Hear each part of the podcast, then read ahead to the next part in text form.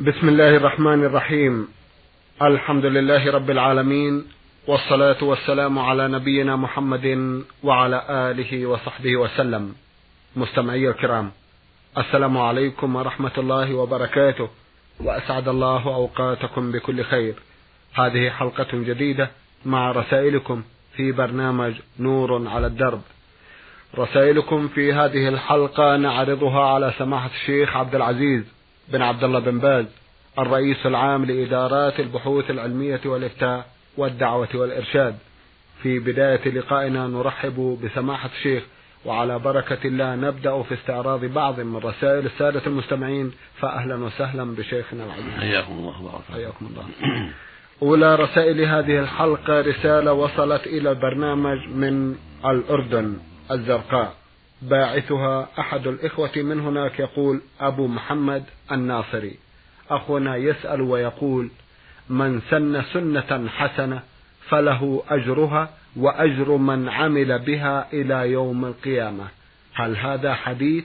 وهل إذا كان حديثا فهل الرسول صلى الله عليه وسلم ترك شيئا لأحد حتى يستن به سنة في الإسلام. نرجو أن توضحوا لنا هذا المقام بالتفصيل. جزاكم الله خيرا.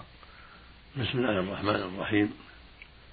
الحمد لله وصلى الله وسلم على رسول الله وعلى آله وأصحابه ومن اهتدى بهداه. أما بعد فهذا الحديث صحيح.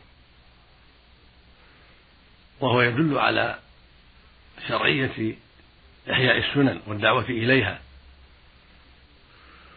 والتحذير من البدع والشرور. لأنه صلى الله عليه وسلم يقول من سن في الإسلام سنة حسنة كان له أجرها وأجر من عمل بهم بعده. لا ينقص من أجورهم شيئا. ومن سن في الإسلام سنة سيئة كان عليه وزرها ووزر من عمل بهم بعده. لا ينقص من أوزارهم شيئا. وهذا مثل الحديث الذي رواه أبو هريرة رضي الله عنه عن النبي صلى الله عليه وسلم قال من دعا إلى هدى كان له من أجر مثل أجور من تبعه لا ينقص من أجورهم شيئا. ومن دعا إلى ضلالة كان عليه من الإثم مثل آثام من تبعه لا ينقص من آثامهم شيئا. وهكذا حديث أبي مسعود الأنصاري رضي الله عنه يقول النبي صلى الله عليه وسلم من دل على خير فله مثل أجر فاعله. فمعنى سنة في الإسلام يعني أحيا سنة أظهرها وأبرزها مما قد يخفى على الناس فيدعو إليها ويظهرها ويبرزها فيكون له الأجر مثل أجور أتباعه فيها وليس معناها الابتداع ليس معناه أن يبتدع في الإسلام بدعة حسنة لا كل بدعة ضلالة. يقول صلى الله عليه وسلم كل بدعة ضلالة. لكن المقصود إحياء السنة وإظهارها. مثلا يكون في بلاد ما عندهم تعليم للقرآن ما عندهم تعليم للسنة فيحيي هذه السنة. يجلس الناس يعلمهم القرآن ويعلمهم السنة أو يأتي لهم بمعلمين. أو في بلاد يحلقون لحاهم أو يقصونها فصار هو يحيي هذه السنة هذا المشروع يعني يعفي لحيته ويربيها ويوفرها فتابعه الناس في ذلك واقتدوا به. عملا بقول النبي صلى الله عليه وسلم قصوا الشوارب واعفوا اللحى خالهم الشهيد فلما رأوه قد وفر لحيته تابعوه فأحيا بينهم السنة وهي سنة واجبة يعني من الواجبات فيكون له مثل أجورهم أو في بلاد يجهلون صلاة الجمعة ولا يصلون الجمعة فيعلمهم ويصلي بهم الجمعة أو ينصب بينهم ويصلي بهم الجمعة. أو في بلاد يجهلون الوتر فيعلمهم إياه في الليل صلاة الوتر. أو ما أشبه ذلك من العبادات والأحكام المعلومة من الدين فيطرأ على بعض البلاد أو بعض القبائل جهلها فالذي يحييها بينهم وينشرها ويبينها يقال سنة في الإسلام سنة حسنة يعني أظهر في الإسلام وبين في الإسلام سنة حسنة. وليس المراد يبتدع ما لم يعلم به الله من البدعة ضلالة يقول صلى الله عليه وسلم في الحديث الصحيح. وإياكم ومحدثات الأمور فإن كل محدث بدعة وكل بدعة ضلالة. ويقول صلى الله عليه وسلم في الحديث الصحيح أيضا من عمل عملا ليس عليه أمره فهو رد. وفي الآخر من أحدث في أمرنا هذا ما ليس فهو رد. متفق على صحته. ويقول في خطبة الجمعة عليه الصلاة والسلام أما بعد فإن خير الحديث كتاب الله وخير الهدي هدي محمد صلى الله عليه وسلم وشر الأمور محدثاتها وكل بدعة ضلالة. البدع التي لم يشرعها الله لا يجوز الدعوة إليها ولا فعلها.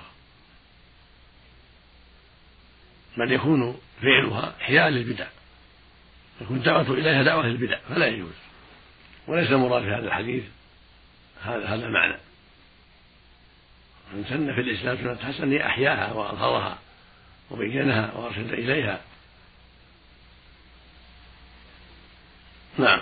بارك الله فيكم. أخونا يصف نفسه بوصف فيقول إنه كان جاهلي ولقد من الله عليه بالإسلام. وكان قبل ذلك قد ارتكب بعض المظالم ولا يقول ويصف نفسه بأنه كان جاهلي. ولقد من الله عليه بالإسلام. وكان قبل ذلك قد ارتكب بعض الأخطاء ويسميها في الواقع سماحة الشيخ ولا أستطيع ذكرها هنا. ويقول سمعت حديث رسول الله صلى الله عليه وسلم يقول من كانت عنده مظلمة لأخيه من عرضه أو من أي شيء فليتحلله منه اليوم قبل أن يكون دينار ولا درهم. ألا يكون. قبل ألا يكون دينار ولا درهم إلى آخر الحديث. كيف تنصحونني والحالة هذه لو تكرمتم؟ قد شرع الله لعباده التوبة. الحمد لله. الله قال سبحانه وتوبوا إلى الله جميعا. أيها المؤمنون لعلكم تفلحون.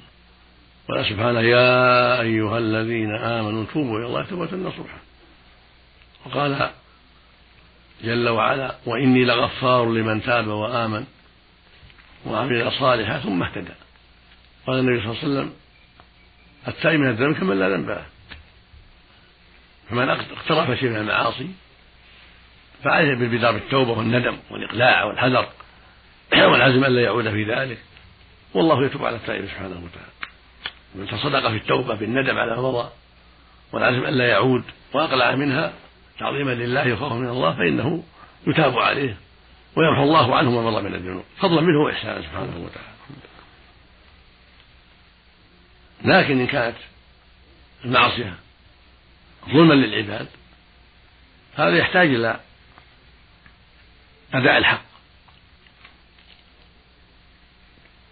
عليه التوبة من مما وقع بالندم والإقلاع والعزم أن لا يعود وعليه مع ذلك أداء الحق لمستحقه أو تحلله من ذلك.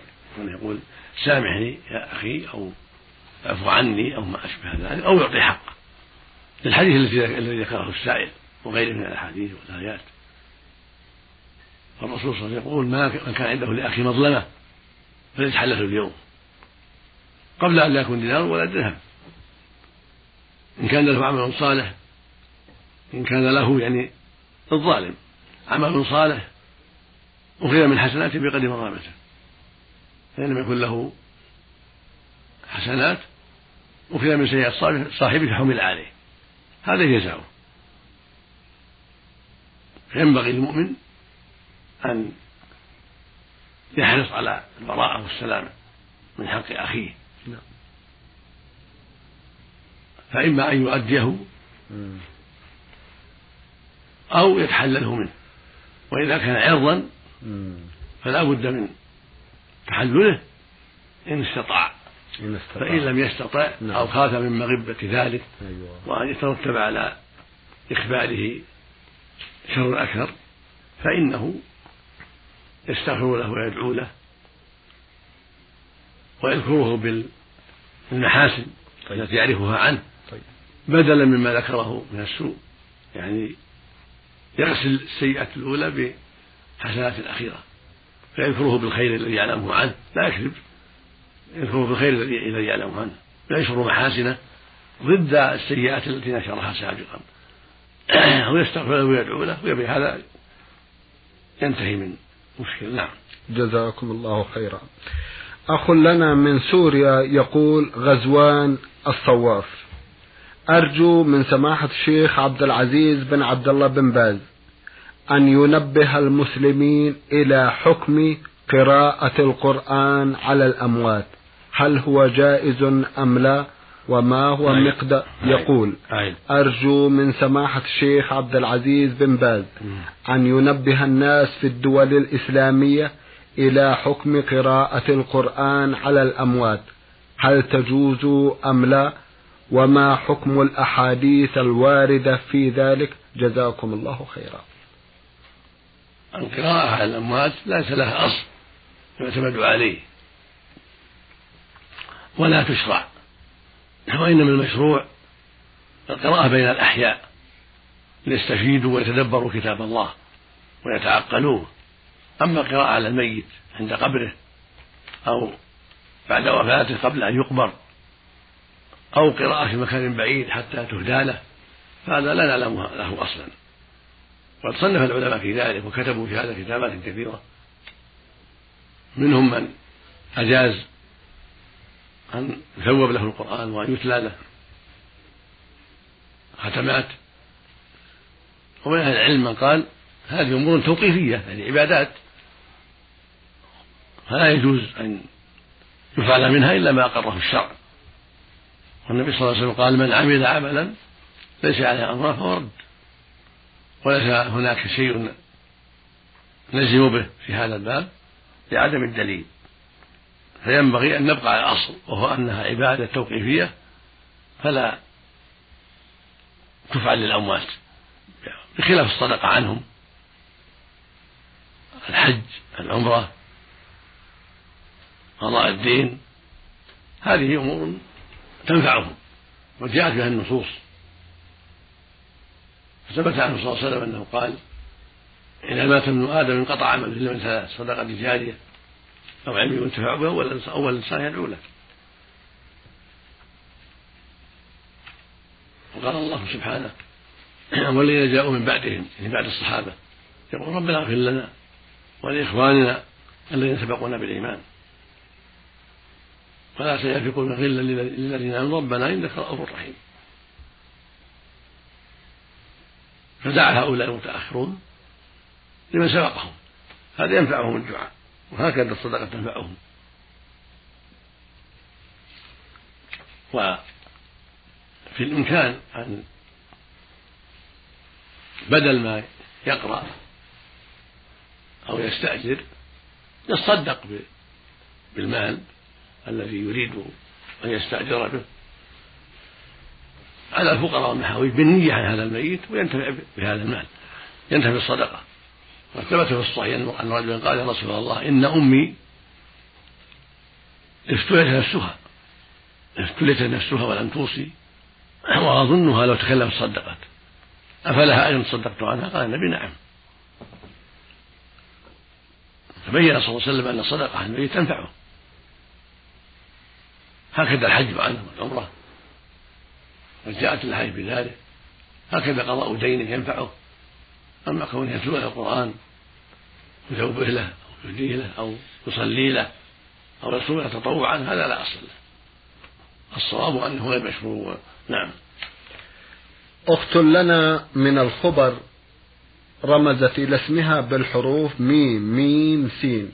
لم تسأل إلا عشر أسئلة فقط. تسأل في سؤال لها وتقول قال رسول الله صلى الله عليه وسلم من كانت له ثلاث بنات فصبر عليهن وسقاهن وكساهن كن له حجابا من النار. السؤال هل يكن حجابا من النار لوالدهن فقط أم حتى الأم شريكة في ذلك وإن عندي ولله الحمد ثلاث بنات؟ هذا عام. هذا عام. يقول صلى الله عليه وسلم من كان له ابنتان أو من ولي ابنتين فأحسن إليهن كن له سترا من النار. وهكذا لو كن أخوات أو عمات أو خالات ونحو ذلك. المعنى واحد. فإذا كان ابنتان أو أختان أو عمتان أو نحو ذلك فإن المعنى واحد. إذا أحسن إليها إليهما. أو كانوا أكثر من اثنتين كالثلاث والأربع ونحو ذلك من باب أولى. نعم. فإنه متى أحسن إليهن. فإنه في ذلك يستحق. الأجر العظيم وأن يحجم من النار ويحال بينه وبين النار لعمله الطيب. وهذا في المسلمين هذه من أعمال المسلمين. نعم. المسلم الذي يعمل هذه الخيرات يكون قد تسبب في نجاته من النار. والنجاة من النار ودخول الجنة لها أسباب كثيرة. فينبغي المؤمن أن يستكثر منها. فالإسلام نفسه هو السبب الوحيد هو الأصل هو الأساس في دخول الجنة والنجاة من النار. وهناك أعمال إذا عملها المسلم موعود بالجنة موعود بالجنة والنجاة من النار مثل من رزق بنات أو أخوات فأحسن إليهن. كن له سرا من النار. مثل من مات له أفراط. لم يبلغ الحنس كان له حجاب من النار. قال النبي من كان من مات له ثلاثة أفراط ثلاثة أفراط كان حجاب من النار. قال يا الله اثنين قال أو اثنين. ولم يسأله عن الثالث عن الواحد. وجاء عنه صلى الله عليه وسلم قال يقول الله عز وجل ما لعبد المؤمن جزاء إذا أخذت صفيه من الدنيا فاحتسبه إلا الجنة. فبين سبحانه وتعالى أن ليس لعبد المؤمن عنده جزاء إذا أخذ صفية لمحبوبة من أهل الدنيا فصبر واحتسب إلا الجنة. فالواحد من ذلك يدخل في هذا الواحد من أولاده إذا أخذه الله قبضه فاحتسب وصبر فله جنة. هذا فضل عظيم. هكذا زوجته هكذا أخوه هكذا أبوه إلى غير ذلك. نعم. بارك الله فيكم. وجه هذا الإحسان أو وجوه هذا الإحسان لو تكرم نعم وجوه هذا الإحسان والوجوه كثيرة أيوة مثل لو تكرم فيقول فيكون من ذلك الإحسان للبنات بتربيتهن التربية الإسلامية وتعليمهن إرشادهن أيوة. والحرص على عفتهن وبعدهن عما حرم الله من التبرج وغيره أيوة. تربية تربية الأخوات كذلك أيوة. أو الأولاد الذكور كذلك نعم.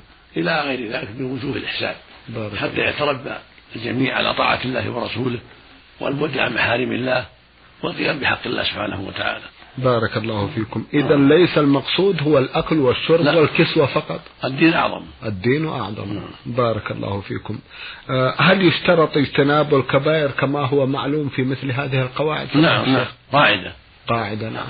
هذه الوعود العظيمة من الرب جل وعلا أو من النبي صلى الله عليه وسلم. اللهم صل عليه عند جمهور أهل العلم مقيدة بالكبائر باجتناب الكبائر باجتناب الكبائر لأن الله قال سبحانه إن تجتنبوا كبائر ما تنهون نكفر عنكم سيئاتكم. أيوة. وندخلكم مدخلا كريما. نعم. بين سبحانه أن من شرط دخول الجنة وتكفير السيئات اجتناب إجتناب الكبائر. قال إن تجتنبوا كبائر ما تنهون نكفر عنكم سيئاتكم وندخلكم مدخلا كريما فدل ذلك على أن من لم يجتنبها لا يحصل له هذا الجواب. إن شرطية إن تجتنبوا. نعم. والجواب نكفر. طيب. والقاعدة أن الجواب مرتب على الشرط. فمتى وجد الشرط وجد الجواب والجزاء. وإلا فلا. فعلى المؤمن أن يبتعد عن الكبائر ويحذرها. وهكذا المؤمنة والكبائر المعاصي العظام. نعم. التي جاء فيها الوعيد لعنة أو غضب أو نار أو جاء فيه حد في الدنيا مثل الزنا والسرقة والعقوق الوالدين وقطيعة الرحم أكل الربا المال اليتيم الغيبة والنميمة السب والشتم إلى غير هذا من الكبائر. فالواجب الحذر منها غاية الحذر. ومن هذا ما ورد في الحديث الصحيح. يقول يقول عليه الصلاة والسلام الصلوات الخمس والجمعة إلى الجمعة ورمضان إلى رمضان مكفرات لما بينهن ما لم تخشى الكبائر. وفي اللفظ الآخر إذا اجتنب الكبائر. فدل ذلك على أن هذه العبادات العظيمة إنما تكفر بها السيئات إلا اجتناب الكبائر. فهي مطابقة للآية الكريمة. هذا الحديث مطابق للآية الكريمة طيب. كذلك قول لما توضأ مرة صلى الله عليه وسلم في الوضوء الشرعي ذكر أن من توضأ فأحسن وضوءه غفر له. قال في رواية ما لم تصب المقتلة. ما لم تصب المقتلة وهي الكبيرة. فينبغي المؤمن وهكذا المؤمنة أن يجتهد كل منهما في اكتساب الخيرات والمنافسة في الأعمال الصالحات مع الحذر من السيئات وتعاطيها ولا سيما الكبائر. بارك الله نعم. فيك. جزاكم الله خيرا. أختنا تقول لدي بعض الجارات من غير المسلمات ومسلمات أيضا لكن لي عليهن بعض الملاحظات. ما حكم تبادل الزيارات فيما بيننا؟ تقول إن لها بعض الجارات من غير المسلمات. وجارات مسلمات لها عليهن لها عليهن بعض الملاحظات فما حكم تبادل الزيارات فيما بينهن؟ تبادل الزيارات في مثل هذا إذا كان للنصح والتوجيه والتعاون على البر والتقوى طيب مأمور به. نعم. يقول النبي صلى الله عليه وسلم يقول الله عز وجل وجبت محبتي للمتحابين في والمتزاورين في. والمتجالسين في والمتبذلين في خرجه الإمام مالك رحمه الله بإسناد صحيح. ويقول النبي صلى الله عليه وسلم سبعة يظلهم الله في ظله ولا ظل إلا ظله. ذكر منهم رجلين تحابا في الله.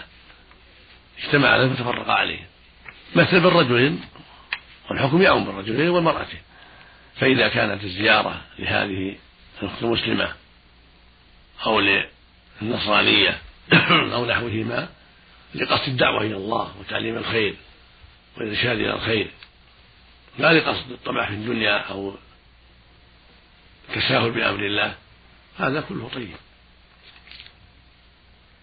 فإذا زارت أختها بالله ونصحتها عن التبرج والسفور عن التساهل بما حرم الله من سائر المعاصي أو زارت جارة لها نصرانية أو غير نصرانية كبوذية أو نحو ذلك. لتنصحها وترشدها وتعلمها. هذا خير شيء طيب. بارك الله فإن قبلت الحمد لله. وإن لم تقبل تركت الزيارة لما فيها فائدة. ما دامت تزور للنصيحة والخير فلا بأس. أما الزيارة للتحبب أو اللعب والحديث الفارغة أو الأكل أو ما هذا ما يكون مع النصرانيات مع الكافرات. لأن هذا يرشد إلى إلى تساهل. وقلة غيره. لأنهم أعداء لنا وبغضاء لنا. فلا ينبغي أن نتخذهم بطانة ولا أصحابا. لكن إذا كانت الزيارة للدعوة إلى الله والترغيب في الخير وتحريم الشر هذا أمر مطلوب. نعم. بارك الله فيكم. سنعود إلى بقية أسئلتك أخت ميم ميم سين من الخبر في حلقات قادمة إن شاء الله تعالى. الرسالة التالية هي رسالة أحد الإخوة المستمعين يقول أنا رجل أعمل بالقوات البحرية بجدة ظافر حسين الشهري من جدة. أسأل وأقول نحن بحارة نطلع بالسفينة من الميناء إلى البحر لمدة ثلاثة أيام أو أربعة فهل يجوز لنا قصر الصلوات وجمعها؟ علما بأن طلوعنا لا يبتعد عن المدينة كثيرا بل لبعض الأعمال. أرجو أن تفيدونا. جزاكم الله خيرا. راكب السفينة. أو راكب الأنواع الأخرى من الراكب البحرية مثل راكب السيارة في البر والقطار في البر. إن كانت المسافة مسافة سفر قصر. وجمع وإلا فلا. فإذا كانت السفينة حول الميناء حول الساحل ما كانت بعيد؟ عشرة كيلو عشرين كيلو نحو ذلك هذا لا يقصر. وليس له حكم السفر. طيب. أما إذا كانت تذهب بعيدا مما يسمى سفرا كسبعين كيلو ثمانين كيلو مئة كيلو أكثر. نعم. هذه هذا سفر. لأهلها القصر ولأهلها الفطر والجمع جمع بين الصلاتين لأنهم مسافرون. كالذي خرج إلى البرية لنزهة نواحيها ثمانين كيلو سبعين كيلو تسعين كيلو مئة كيلو. سبعين كيلو تقريبا يوم وليلة المطية السابقة. نعم. بارك الله فيكم. هل يجوز قطع الأشجار المؤذية من المقابر؟ ينبغي هذا لأنها تؤذي الزوار فينبغي قطعها إذا وجد شجر على المقابر ولا سيما ذات الشوك ينبغي إزالتها وهكذا إذا كانت قد يظن منها أن صاحبها ولي عن بعض العامة أو صاحبها يعني يدعى من دون الله أو ينبغي أن تزال حتى لا يظن في صاحب القبر خلاف الحق. فإذا كان وجود أشياء قد يسبب شرا فإنها تزال. ولو كانت نابتة من جهة المطر وكذا إذا كان فيها شوك يؤذي زوار المقابر تزال. وهكذا من غرسها بعض الناس قد يغرس جريدا عليها يزال لأن الصواب أنها لا يغرس عليها جريد ولا غيره. والنبي صلى الله عليه وسلم إنما غرس جريدتين على قبرين عرفهما وأنهما معذبان ولم يغرس على قبور المدينة وقبور البقية والصحابة شيء نعم. بارك الله فيكم. ألاحظ سماحة الشيخ بعض العامة إذا رأى شجرة نبتت على قبر ما يصف صاحب القبر بأنه له من الصفات ما هو كيت وكيت. هل لنبوت ألاحظ أن بعض الناس إذا رأى شجرا نبت على قبر ما يصف صاحب القبر بأنه كان على صفات آه، مقدارها كذا وكذا. هل لنبوت الأشجار على القبور شيء من العلاقة؟ لا أصل لا أصل لهذا وليس للنبات شيء لأن النبات عند نزول الأمطار قد يكون التراب الذي على القبر تراب مناسب نعم تراب حرث فتنبت فيه الأشجار والعشب ولا يدل على صلاح ولا فساد طيب. بل هذا من أسباب طبيعة الأرض التي جعل الله فيها ما جعل من أصول النبات وبذور النبات فإذا كانت الأرض فيها بذور نبتت بإذن الله. نعم. وإن كانت خالية لم ينبت عليها شيء. بارك الحاصل أنه ينبت على قبر الطيب وعلى قبر الخبيث. ليس الذين على أنه طيب.